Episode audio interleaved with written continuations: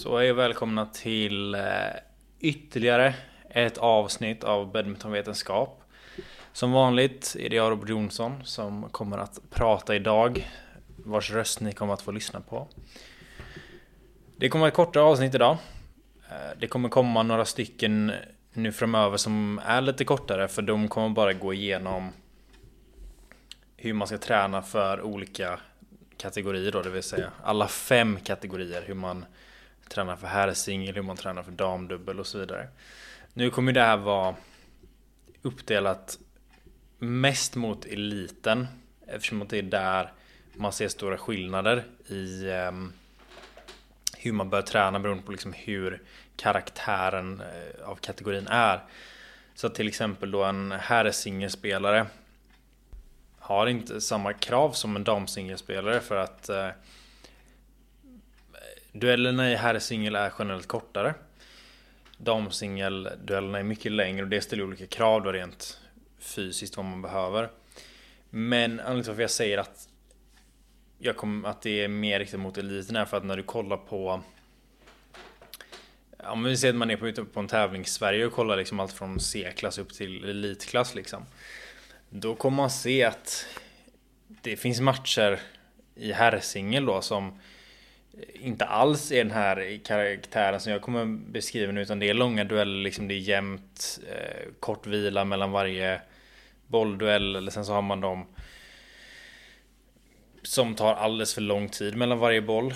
Så det, det finns en, det är så brett där liksom. Kollar man mer mot kanske A-klass då kan man se det lite Då har man kanske lite mer att eh, få ut av att lyssna på just det här. Annars eh, om man är ja, men lite lägre rankad så är det viktigast att man eh, tränar allt liksom. Då är det också så här, det här är ju det jag pratar om nu är också folk då som tränar ja, fulltid. Om man bara tränar tre gånger i veckan, eller bara och bara, men om man tränar tre gånger i veckan så behöver man en annan träning. Jag kommer in på det sen. Men vi ska sätta igång och den här eh, kravanalysen refererar till väldigt ofta. Det är Svenska Olympiska Kommitténs kravanalys. Eh, där bland andra, bland andra eh, P.O. Krona Jag tror Jonas Herrgård eh, Vi ska läsa upp namnet på alla de som har varit med i den här Det är Per-Henrik Krona Jonas Rindlaug Jens Grill en, och sen Jonas Herrgård Och sen så har det varit eh, någon Amelie Props som har ju fixat lite med text och layout den här. Men det de har skrivit om um, just herrsingel, hur det skiljer sig, liksom hur det sticker ut. Så är det, det tekniska och taktiska är att det är um, många finter i herrsingel. Vilket innebär då att när vi kollar rent fysiologiskt så vet man att startsnabbhet är viktigt. Det vill säga att mm, det är ofta att man, man håller in i slaget, man visar inte vad man ska slå innan eh, slaget har slagits och det innebär att du kan inte röra dig innan bollen har slagits och därför måste du vara startsnabb. Och det är då startsnabbhet från stillastående som är det viktiga. Man ska ju såklart ställa upp sig liksom nu, nu ska inte jag gå igenom de bitarna men ehm, man ska ju ja, startsnabbhet från stillastående helt enkelt. Och det är ju ett resultat av ens maxstyrka och explosivitet. Sen är det också uthållighetsstyrka som är en viktig del och det är för att matchen är lång. Så att det spelar ingen roll hur explosiv eller hur snabb du är första bollen utan det handlar ju fortfarande om att du ska kunna vara eh, stark och eh, explosiv och spänstig i slutet av matchen. Och sen också då syreupptagningsförmågan är viktig och det är på grund av till stor del handlar det om återhämtning och det är inte bara återhämtning mellan varje bollduell utan det handlar också om återhämtning mellan varje match, mellan varje set, mellan tävlingar, mellan träningar. Där är styrtagningsförmågan väldigt viktig i att styra hur fort man är redo att eh, spela igen. Så för spelare som upplever att Ja men man kanske spelar jättebra i gruppspelet liksom, säg de första tre matcherna eller någonting. Men när man är inne i fjärde, femte matchen för dagen så finns det ingenting kvar. Och det är ju rätt rimligt för det är ju rätt tufft att spela så många matcher på en dag men men om man vill eh, motverka det så kan det vara styrupptagningsförmågan som måste förbättras. Och det nämner jag ju i min i avsnitt nummer ett tror jag det är. Där jag pratar om konditionsträning för badmintonspelare men det lättaste sättet då att, att orka med förbättra syreupptagningsförmåga och att orka mer för badminton det är att göra fotarbete, rätt intensivt fotarbete. Där man varierar mellan ja, röra sig så snabbt man kan i 10-15 sekunder. Vila kort och sen göra om det. Till att göra Ja, det kan vara 10-15 sekunder igen, men vila längre så man hinner återhämta sig därifrån.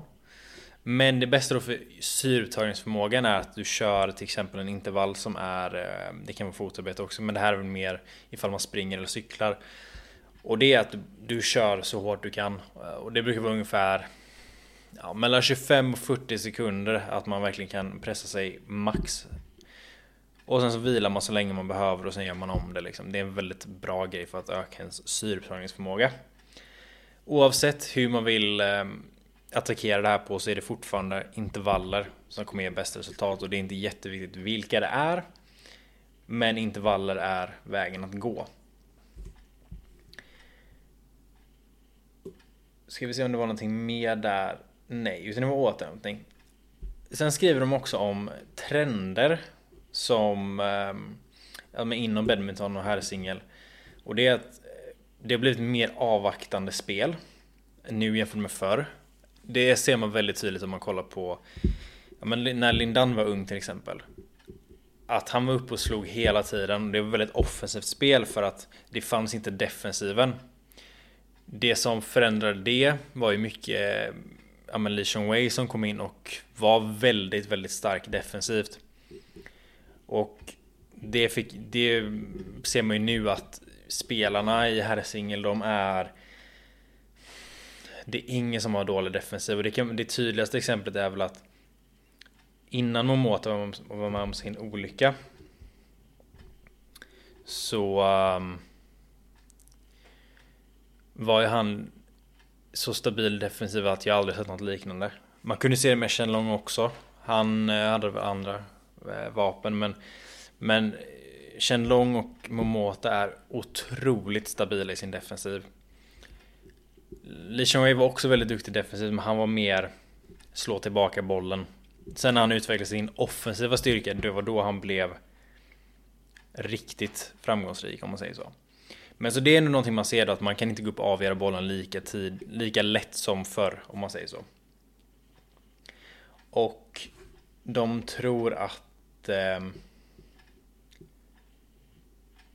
det kommer fortsätta men det Eh, det får vi se. De säger också då, och det här är ju väldigt rimligt att det kan ju komma spelare som är så duktiga att allting kommer att förändras.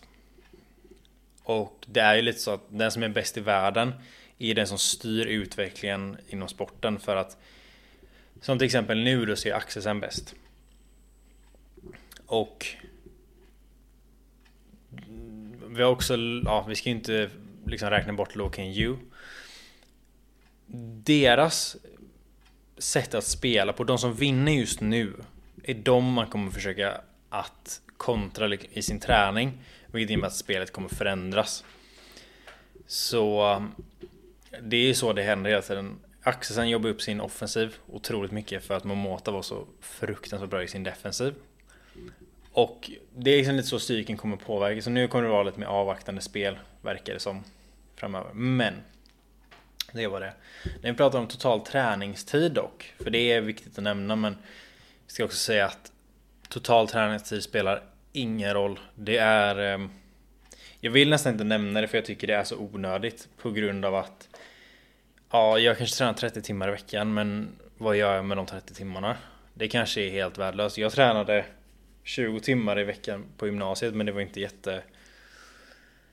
Den träningen förutom badminton och viss badmintonträning också för den delen. Inte på gymnasiet utan eh, den som skedde i klubben sen. Eh, var inte jättebra. Och eh, din, liksom där, att bara träna och att det är många timmar, det spelar ingen roll. Det handlar om vad du gör med timmarna. Kvan, kvalitet över kvantitet alla dagar i veckan. Men vi ska inte gå in. Men bara för att liksom förklara lite snabbt här. Eh, den totala träningstiden som SOK rekommenderar då för, eh, det här är ju eliten som sagt. Då har uppbyggnadsperioden. Och det är väldigt bra att de har delat upp det i de här tre perioderna.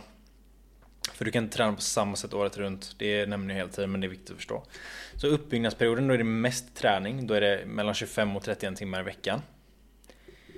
Tävling och träningssäsong. Det är lite när det ja, Det är inte så mycket tävlingar eller det är inte jätteviktiga träningar. Eller inte jätteviktiga tävlingar. Då är det lite lägre med 21 till 27 timmar. Och sen under tävlingssäsongen. Då är det mer träning, eller mindre träning med 18 till 24 timmar. Men det ska också sägas att eh, i de här timmarna så är 1 till 3 timmar är videoanalys och mental träning så att det inte liksom bara fysiskt. Sen kan man också säga att träning uppdelar i många olika mm, delar och det är väldigt svårt för en person som inte har eh, möjligheten att vara i hallen så mycket som de här. Eh, liksom de, tanken är att de spenderar minst 16 timmar. Eh, men det varierar med 14 till 18 timmar i veckan och det är, det är svårt att ha så mycket halvtid. Jag vet många, jag hade själv svårt med att eh, man spelar liksom en kommunal hall så att det är mycket andra sporter där och så, så man har inte riktigt tid till det och det, det är ett stort problem. Men ehm, det man kan göra är att man, man har alla möjligheter till att träna lika mycket fysiskt och ja, de har delat upp till uthållighet, styrka, skadeförebyggande slash rörlighet, videoanalys slash mental träning.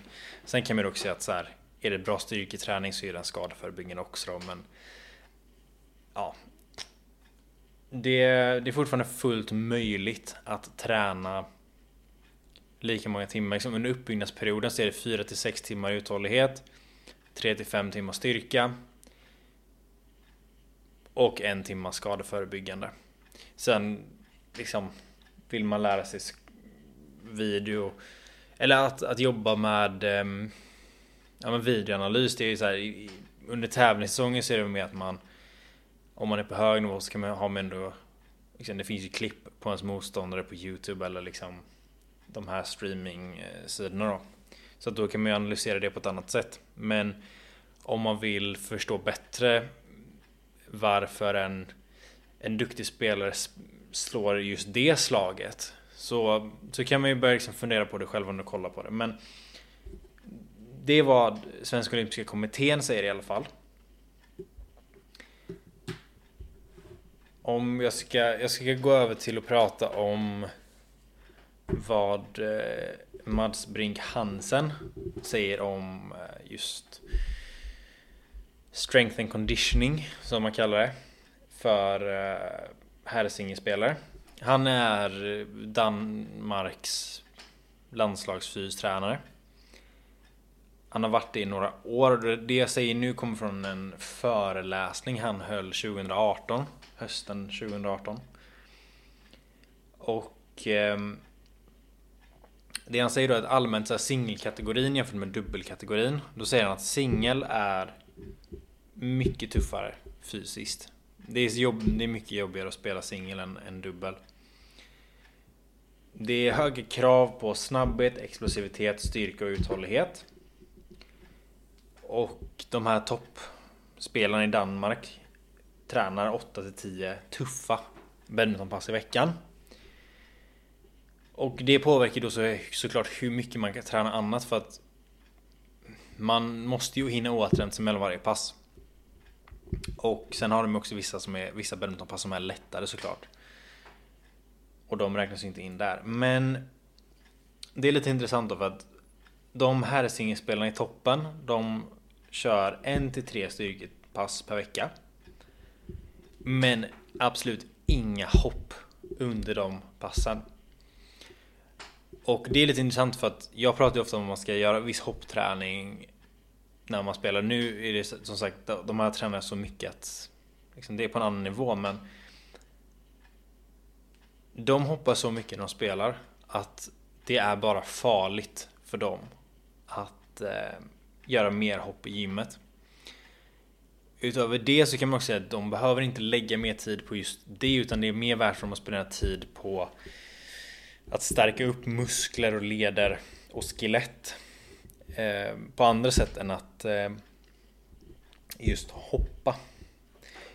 Sen ska man säga att det finns ju en tid och plats för allt för att om man pratar om en försäsong eller uppbyggnadsperiod då kan det vara möjligt att göra det men inte när det är tävlingar och inte när det är för mycket badmintonträning utan det handlar lite om det är samspelet då mellan fystränare och eh, badmintontränare som avgör lite av det där. Men det som är intressant är att herrsingelspelare gör ingen extra uthållighetsträning. Damsingelspelare gör det. För att damsingel är så mycket tuffare rent konditionsmässigt så att de måste träna mer uthållighet. Men herrsingelspelare gör inte det för deras träning är så tuff att det, eh, det är inte värt det för dem. Och nu är det här inte jag utan det är Mats Brink Hansen då som, som säger det. Sen går han in då på hur de tränar olika delar, liksom styrka och explosivitet. Där är det liksom de enkla övningarna, liksom det är squats, marklyft, utfallssteg, step-ups, olika typer av pressar. Det kan vara bänkpress eller liksom axelpress eller det kan vara någonting sånt. Frivändningar, väldigt komplicerad övning. Eh, men det är övningar de använder för det. Sen vet jag också att de använder en del hip thrust. Som är sjukt underskattad övning, alla borde göra den. Eh, ja, hip thrust. Och sen ska man också säga att det finns olika skottvarianter. Så det är frontböj eller vanliga knäböj och så. Men det är övningar de använder för just styrka och explosivitet. Sen har de också funktionell träning och det är det är ett flummigare begrepp. Eh, Mad säger ju själv att han hatar uttrycket. Han vet bara inte hur man ska... Han har bara inte bättre ord för det jag förstår vad han menar med det. Men det är... Eh, till exempel repsteg eller fotarbete med eh, ankelvikter. Det kan vara funktionell träning. Olika, det kan också vara reaktiva grejer. Det finns sådana här typ Tänk en boll som är rätt ojämn så att om du kastar den i marken så kommer den studsa. Du vet inte vad den kommer studsa åt. Olika sådana grejer som där man ska reagera. Kör han ju också en del av. Och sen har vi uthållighet då, och då är det både aeroba och anaeroba intervaller.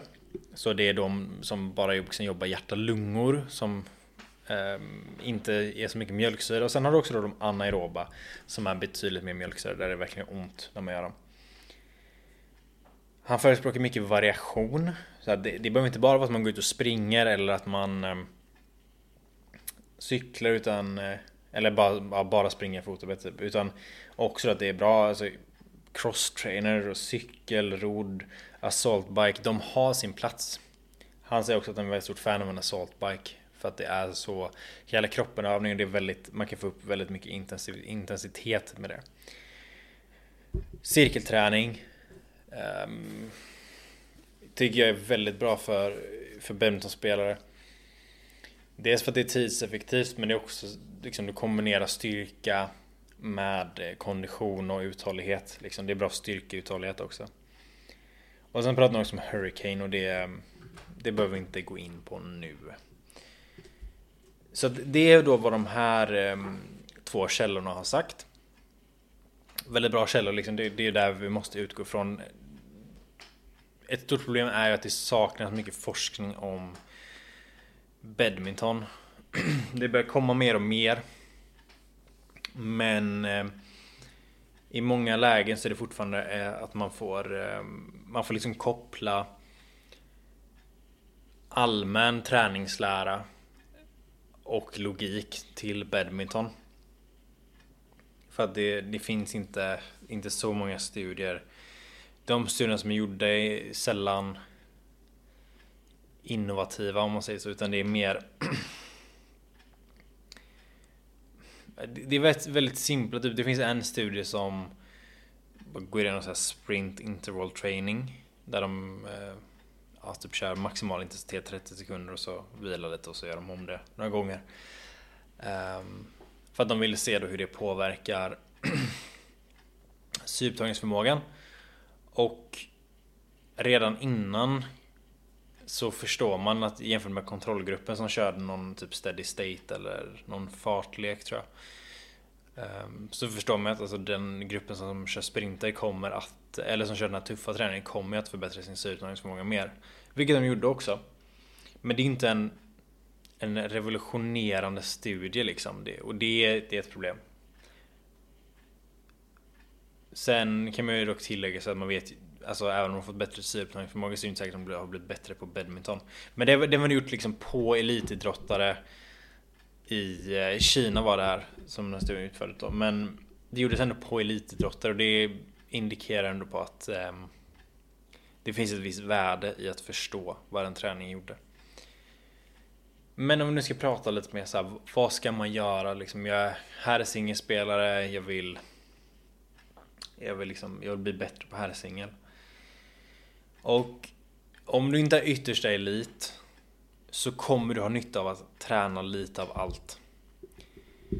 Du behöver inte ha ett extremt detaljerat träningsprogram. Men om vi säger att du vill träna två gånger utöver dina badmintonpass på en vecka. Då är det, då tycker jag du ska ha ett pass med längre intervaller. Typ 4 gånger 4 intervaller. Så du gör fyra stycken fyra minuters intervaller med tre minuter aktiv vila, det vill säga att du går eller småjoggar emellan. Och du ska kunna utföra ungefär en till när du är klar med den fjärde. Så du ska inte pressa till utmattningsgränsen då.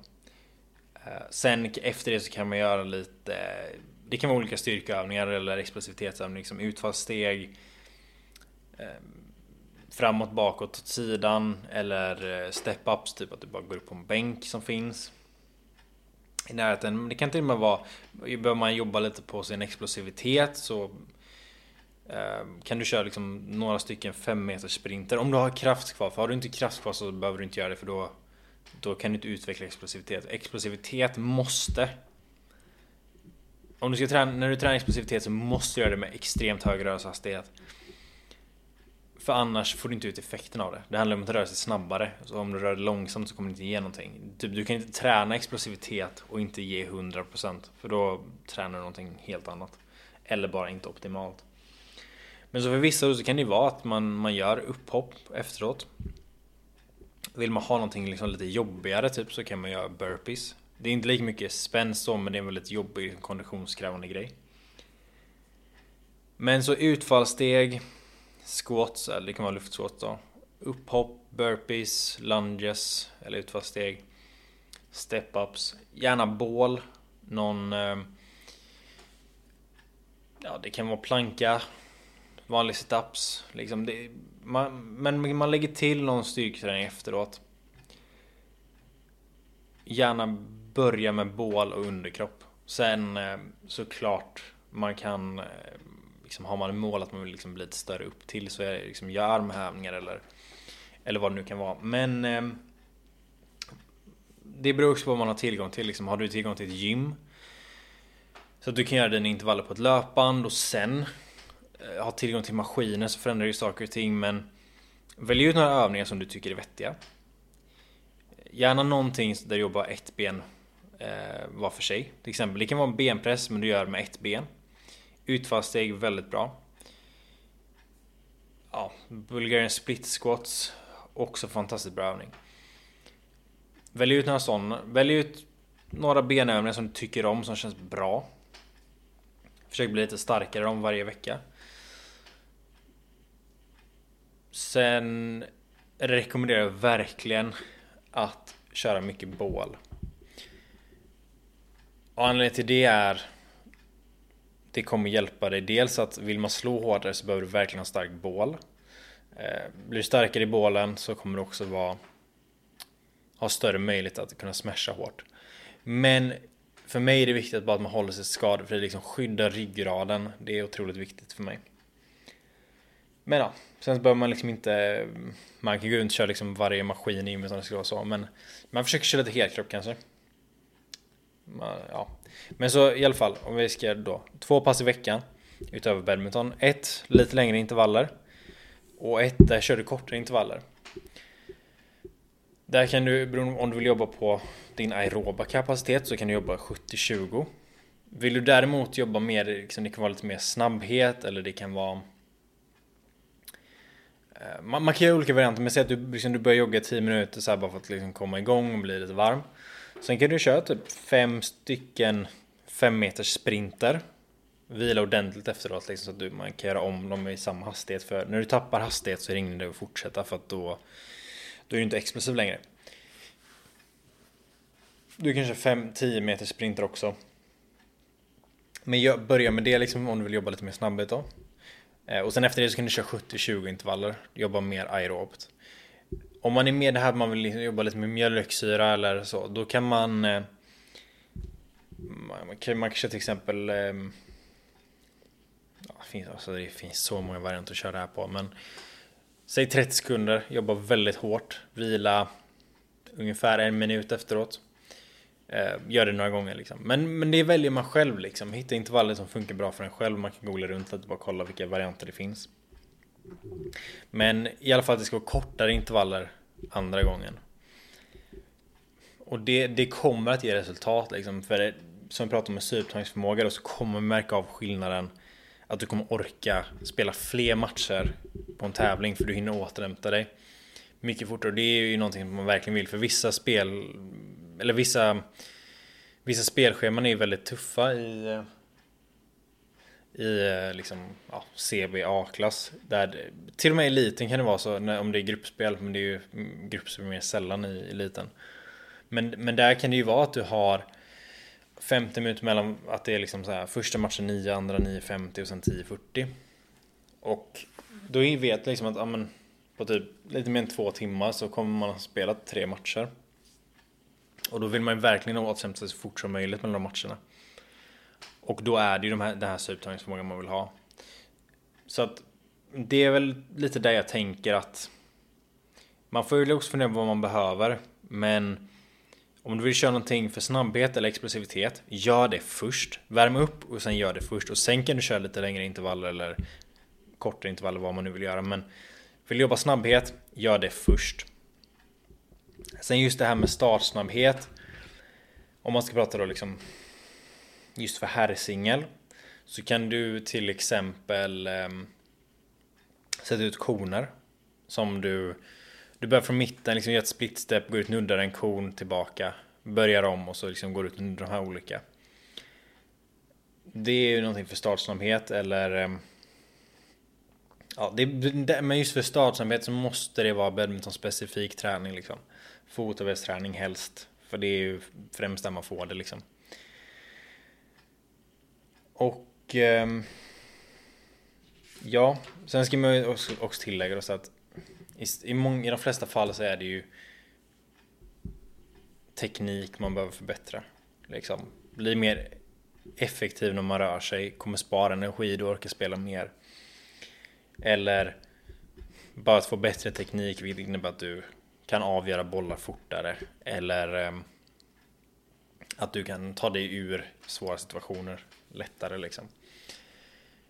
Sen har vi också det här liksom det taktiska eller spelförståelse och det taktiska att spelar man ja, energisnålt så kommer det gynna en. Men nu ska vi prata generellt herrsingel här och det, kommer, det här kommer vara samma som för damsingel om vi pratar generellt. Det skiljer sig inte åt så utan um, se till verkligen att jobba liksom på, på vad du behöver. Men nu har jag ändå gått igenom lite det här vad vad man säger just om herrsingel. Vad du kan göra.